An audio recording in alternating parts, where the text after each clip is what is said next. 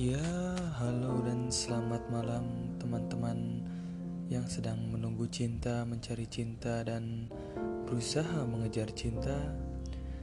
Ya, malam hari ini kita akan membahas lagi hal-hal tentang perbucinan dan ya selamat datang kembali di podcast Son of Zack.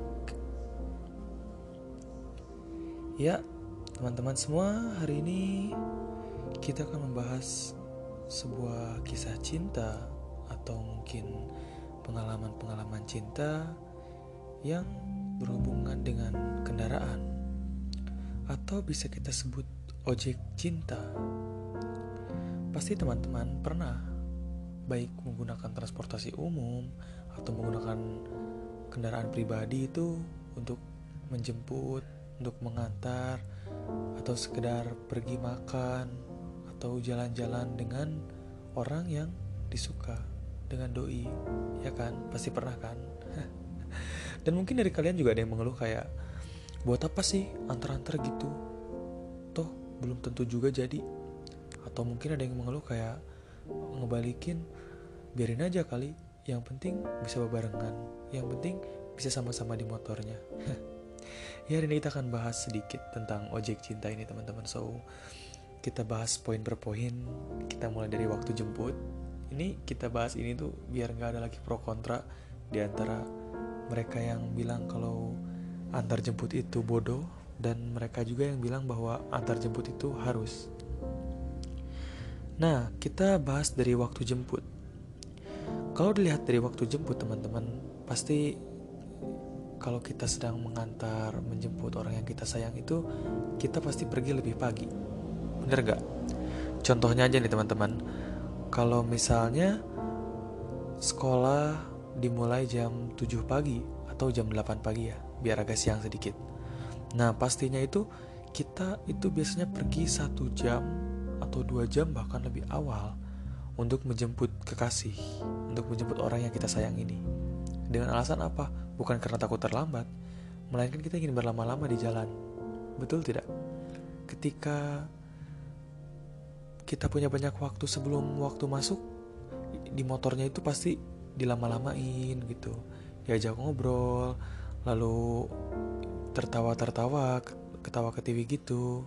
Dan ya itu dia yang membuat indah dari sebuah ojek cinta itu pergi bisa lebih pagi. Tapi resikonya apa ya? Resikonya kita mengorbankan waktu-waktu kita yang memang harusnya bisa dimanfaatkan.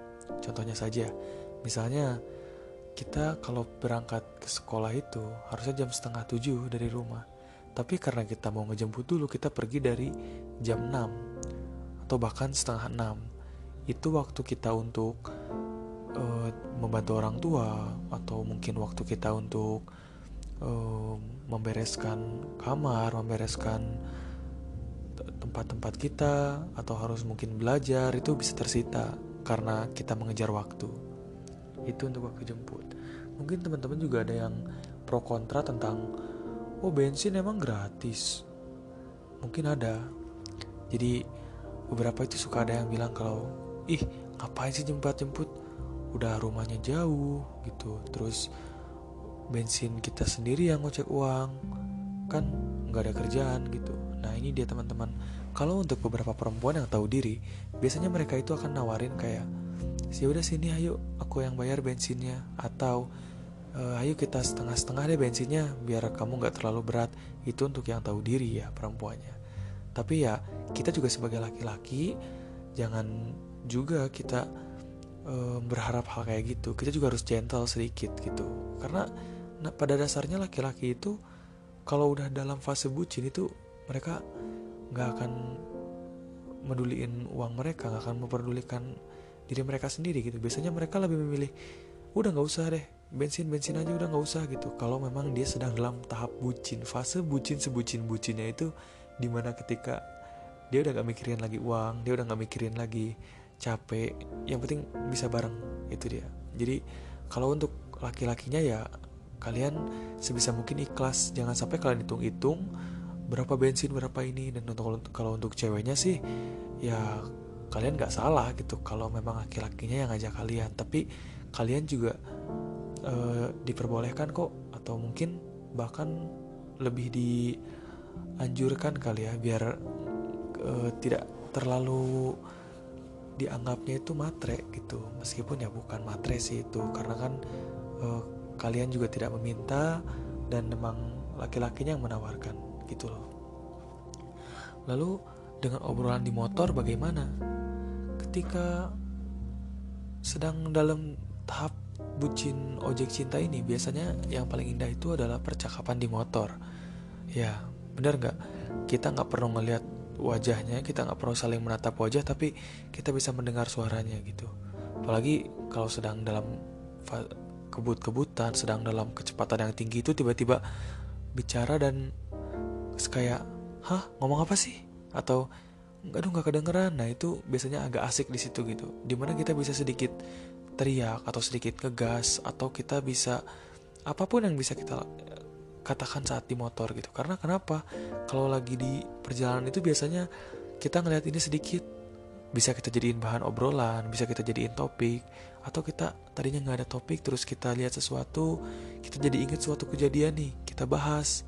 Nah kayak gitu dan enaknya itu ya itu karena nggak perlu saling tetap muka jadi tidak awkward ya nggak canggung gitu kalau lagi ngobrolnya gitu. Sebenarnya sih gentlenya tuh kalau ngobrol tuh harus tetap muka ya bahkan kontak mata tapi kalau di motor itu jadinya beda.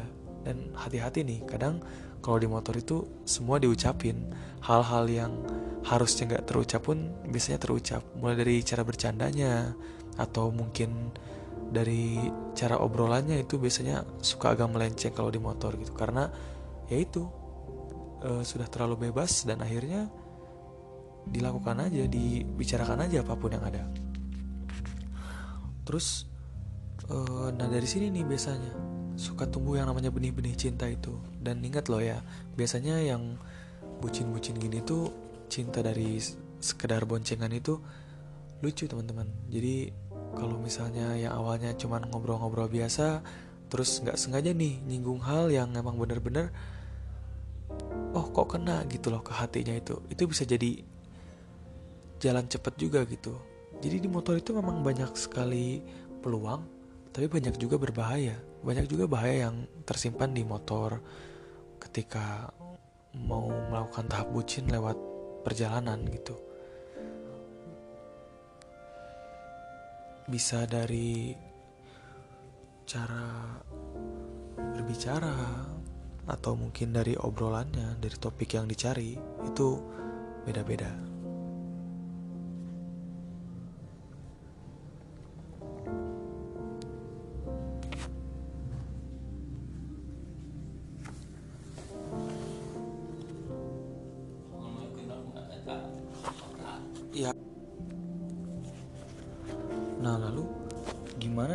Kalau misalnya dari segala hal dan segala usaha yang udah kita lakuin itu gagal pasti beberapa kecewa gitu ya. Ada yang berkata biasanya nih kalau misalnya mereka yang emang gak ikhlas gitu yang emang bener-bener hanya mengejar dan dengan nafsu itu setelah mereka tahu mereka gagal itu mereka langsung berkata kayak aduh kalau gitu ngapain?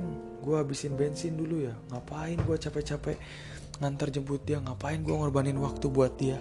Pasti ada kayak gitu. Itu belum sampai ke hubungan aja dia udah hitungan ke arah-arah seperti itu. Kalau memang jatuhnya tidak ikhlas gitu. Kalau memang itu didasari dengan nafsu dan ya malah ngebuat yang tadinya benih cinta itu malah jadi nafsu belaka gitu teman-teman Nah kalau terus kalau begitu haruskah menyesal? Yang namanya rasa menyesal itu pasti ada. Sehebat-hebatnya kita menyembunyikan rasa menyesal, itu pasti ada. Tapi kenapa kita harus menyesali hal yang membuat kita senang? Meskipun toh pada akhirnya kita gagal, tapi kita harus ingat dalam proses kita antar jemput itu dalam proses kita jalan-jalannya dalam proses di motornya itu hitung berapa banyak rasa senang yang udah kita dapat. Dan itulah kenapa kadang orang menyesali hal yang sebenarnya nggak perlu berlebihan untuk disesali. Tentu aja tentu saja sih kalau misalnya yang kita udah berusaha sungguh-sungguh kita udah berusaha ngedeketin dia baik lewat motor baik di perjalanannya kita berbicara gimana terus dia nggak mau dia nolak atau gagal cara kita mendekatinya. Pasti ada rasa kecewa tapi kalau kita putar lagi berapa banyak rasa senang yang udah dilakukan bersama gitu. Jadi kenapa harus sedih atau bahkan diperhitungkan hal-hal seperti materialistiknya? Itu gak perlu. Itu kembali lagi ke episode pertama kemarin jalani, jalani saja sesuai skenario yang sudah dibuat oleh Tuhan bener nggak ketika Tuhan berkehendak bahwa ya memang itu waktunya kamu dengan dia untuk pergi bersama tapi suatu saat mau tidak mau perempuan yang kamu incar itu harus ditarik kembali. Tapi apakah Tuhan egois dengan membuat kamu sedih? Enggak kan? Selama proses itu berlangsung, selama kamu berjuang untuknya, selama kalian berjuang untuknya dalam perjalanan itu, kalian juga merasa senang, kalian juga merasa bahagia. Kalian juga merasa bisa berbagi sesuatu dengan dia. Kecuali jika memang kalian selama pergi pulang itu tidak pernah ngobrol, tidak pernah apa, terus tiba-tiba mengungkapkan lalu ditolak ya, itu beda cerita teman-teman. Kita bercerita tentang kebahagiaan yang didapat ketika kalian sedang bersama orang yang kalian cintai di kendaraan yang sama. Jadi kalau misalkan teman-teman ada yang mengalami juga hal seperti itu yang disebut ojek ojek bucin lah, ojek cinta lah atau uh, zona ojek lah kalian gak usah malu kalian gak usah takut kalian gak usah minder kalian bilang ya biarkan aku dapat prosesnya yang penting prosesnya berjalan lancar. Saat prosesnya berlangsung aku juga senang. Gitu kan intinya. Bukan masalah di hasilnya tapi masalah di prosesnya teman-teman. Ya oke okay, mungkin itu aja yang kita bahas sedikit kali ini. 13 sampai 14 menit mungkin yang kita dapat di malam ini ya. Kalau teman-teman ada yang merasa tersinggung atau merasa tidak enak dengan cerita ini, silahkan bilang saja atau kalian bisa DM di Instagram, cari di Instagram, komentar di Instagram, kalian request tentang hal-hal untuk diri kalian sendiri atau kritik untuk podcast ini. Atau mungkin kalian yang nggak setuju, kalian ada yang setuju, itu silahkan. Karena podcast-podcast yang saya sajikan di sini tuh berdasarkan pengalaman. Pengalaman yang asli, baik dari saya narasumbernya maupun teman saya sendiri. Itu banyak. Dan ya, untuk quotes malam ini penuh sebagai penutup sedikit pesan, jangan pernah menyesali gagalnya cinta karena sebenarnya kebahagiaan ada dalam progresnya. Son of Zack 2020. Terima kasih karena sudah mendengarkan. Jangan lupa untuk terus mendengarkan Son of Zack podcast dan tetaplah mencintai dalam sehat, dalam suci, dan dalam murni. Terima kasih dan selamat malam.